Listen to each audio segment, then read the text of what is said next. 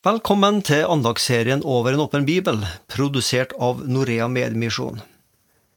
Norea sin visjon det er å nå de minst nådde med evangeliet.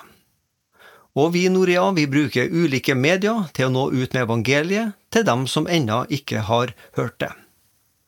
Og et av disse områdene det er øya Zanzibar, som ligger i Tanzania. Og vi skal nå ta med oss en tilbakemelding fra en radiolytter som har lytta til Håpets kvinner på Zanzibar. Jeg vil takke dere for programmet Håpets kvinner, som dere sender på vår øy. Først likte jeg ikke å høre på, for dere nevner jo Jesu navn hele tiden. Men programmet kommer jevnlig på kanalen, som står på hjemme, og etter hvert så begynte jeg faktisk å lytte. Først mest på grunn av den delen av programmet som handler om livet. Jeg har levd et liv med mye sorg. Mannen min har fire koner, og jeg er hans første. Mannen min viser ikke like stor interesse for meg lenger. Jeg ble ekstra berørt av episoden Gud bringer frihet. Jeg har gått mye i moskeen. Aldri har jeg fått ord til trøst på samme måte som det jeg har fått fra deres programmer. Gud har forandret livet mitt, og jeg kjenner meg ikke like trist lenger. Hans kjærlighet er større og er nok for meg. Ja, vi ber om at du skal bli velsigna av vårt budskap som sendes på vår radio i dag. Og andagsholder i denne uka i Over en åpen bibel, det er Roald Arnesen.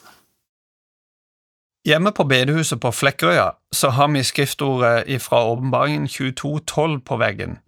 Og se, jeg kommer snart. En gang som vi hadde en sånn Venners venner-samling på bedehuset, så var det en kar der som så på det her skiltet, og så spurte han Si meg, når ble dette bedehuset bygga, egentlig? Han syntes kanskje det var noe overdrevet å si snart, da, så der lå litt ironi i det spørsmålet hans. Eh, ordet snart, det er jo et adverb, og når vi sier snart, så er det relativt i forhold til et eller annet tidsrom. Så kommer det an på hvor vi er i dette tidsrommet, da. Ta et, eh, ta et år, for eksempel.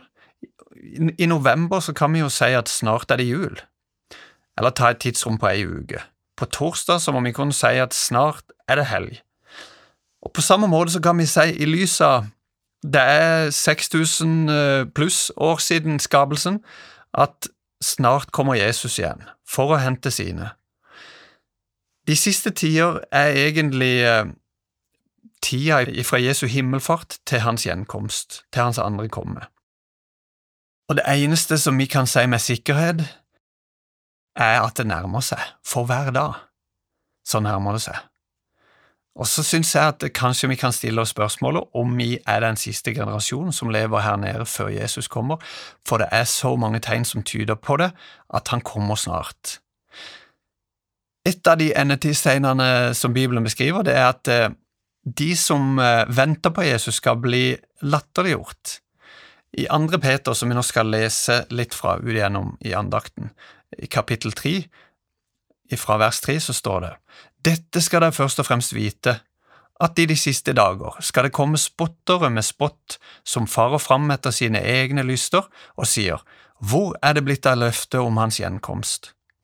For fra den tid fedrene sovnet inn, forblir alt slik det har vært fra skapningens begynnelse. Bibelen advarer oss mot å forsøke oss å regne ut nøyaktig dag og time. Men vi skal kunne tyde tida, eh, og vi skal kunne se etter tegn, lytte etter lyden av hans trinn, eh, og det er det er en god ting det å vente på Jesus.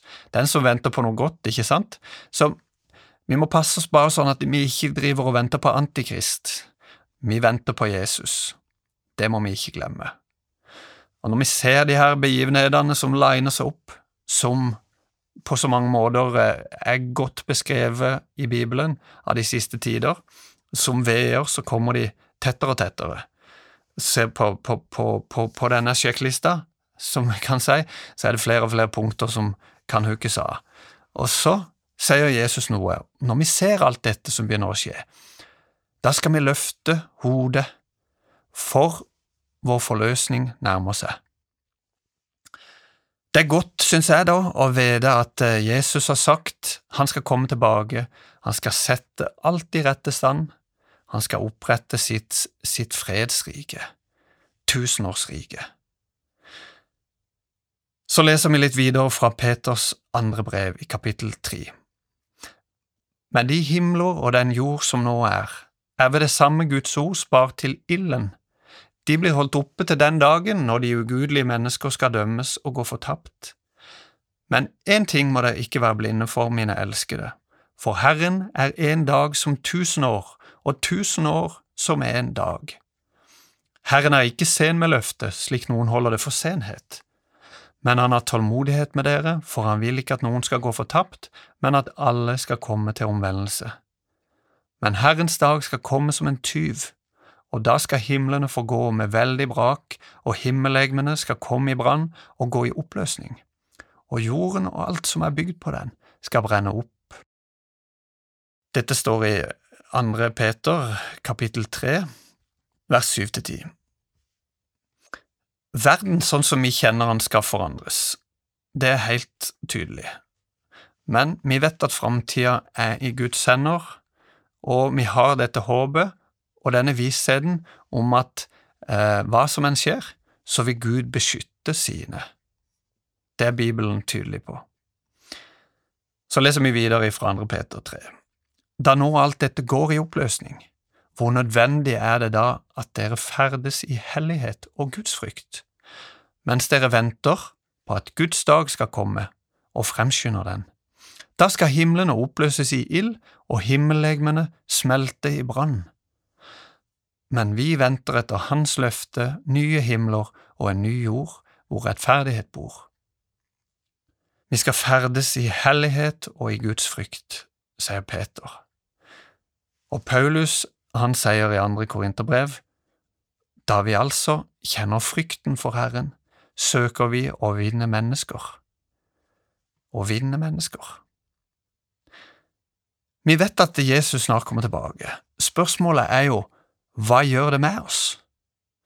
Driver det oss til å vitne om Han, til andre, til venner og familie, til kolleger, til naboer? Driver det oss til å engasjere oss i misjonen, da? Ikke bare her hjemme, men også ute, også til verdens ende, også til de minst nådde? Paulus han snakker om en motivasjon for misjon som handler om frykten for Herren. Og eh, det kunne det vært sagt mye om, og jeg tror ikke på at den frykten er en sånn type redsel, at man er redd for eh, på en måte en uberegnelig eh, Gud. Nei, men vi kjenner på en, en frykt for å gjøre han imot, han er så stor og så hellig, og vi er så små, og, eh, og ser så stykkevis og delt, og er syndere, så eh, frykten for Herren eh, kjenner vi på. Så la det drive oss til å, å engasjere oss i misjon, både her hjemme og ute. Og så konkluderer Peter i kapittelet som vi har lest, Derfor, mine kjære, når dere venter disse ting, så legg vind på å bli funnet uten flekk og lyte for ham, i fred, og akt vår Herres tålmodighet som frelse. Jeg tror at når Jesus, som har gitt oss marsjordren om å gå med evangeliet til jordas ende, når han har gitt oss dette, eh, denne befalinga, så tror jeg det er utrolig viktig at vi går til verdens ende og går til de som ennå ikke har fått sjansen til å høre. Og I mange av de områdene her så er det vanskelig å nå inn med tradisjonell misjonsvirksomhet, men da har vi fremdeles muligheter, ikke minst gjennom bruk av medier. Og Her i Norea Mediemisjon, hvor jeg selv jobber til daglig, så ser vi bare store muligheter. Der er ingen områder som er stengt for evangeliet. Spørsmålet er bare hvordan når vi inn. Og som Per Birkeli pleier å si, som er daglig leder, eh, når døra er stengt, så flyr vi inn gjennom vinduet. Så det finnes muligheter. Må Gud velsigne deg i dag. Du har akkurat nå hørt en andakt i serien Over en åpen bibel, og det var Roald Arnesen som var dagens andaktsholder. Denne serien den produseres av Norea Medmisjon, og hver fredag formiddag så tilbyr vi forbønn. Ring oss da på 38 14 50 20, 38 14 50 20, mellom klokka 09 og 11.30.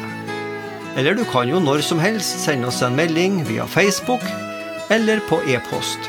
Og da kan du bruke adressen post at norea.no.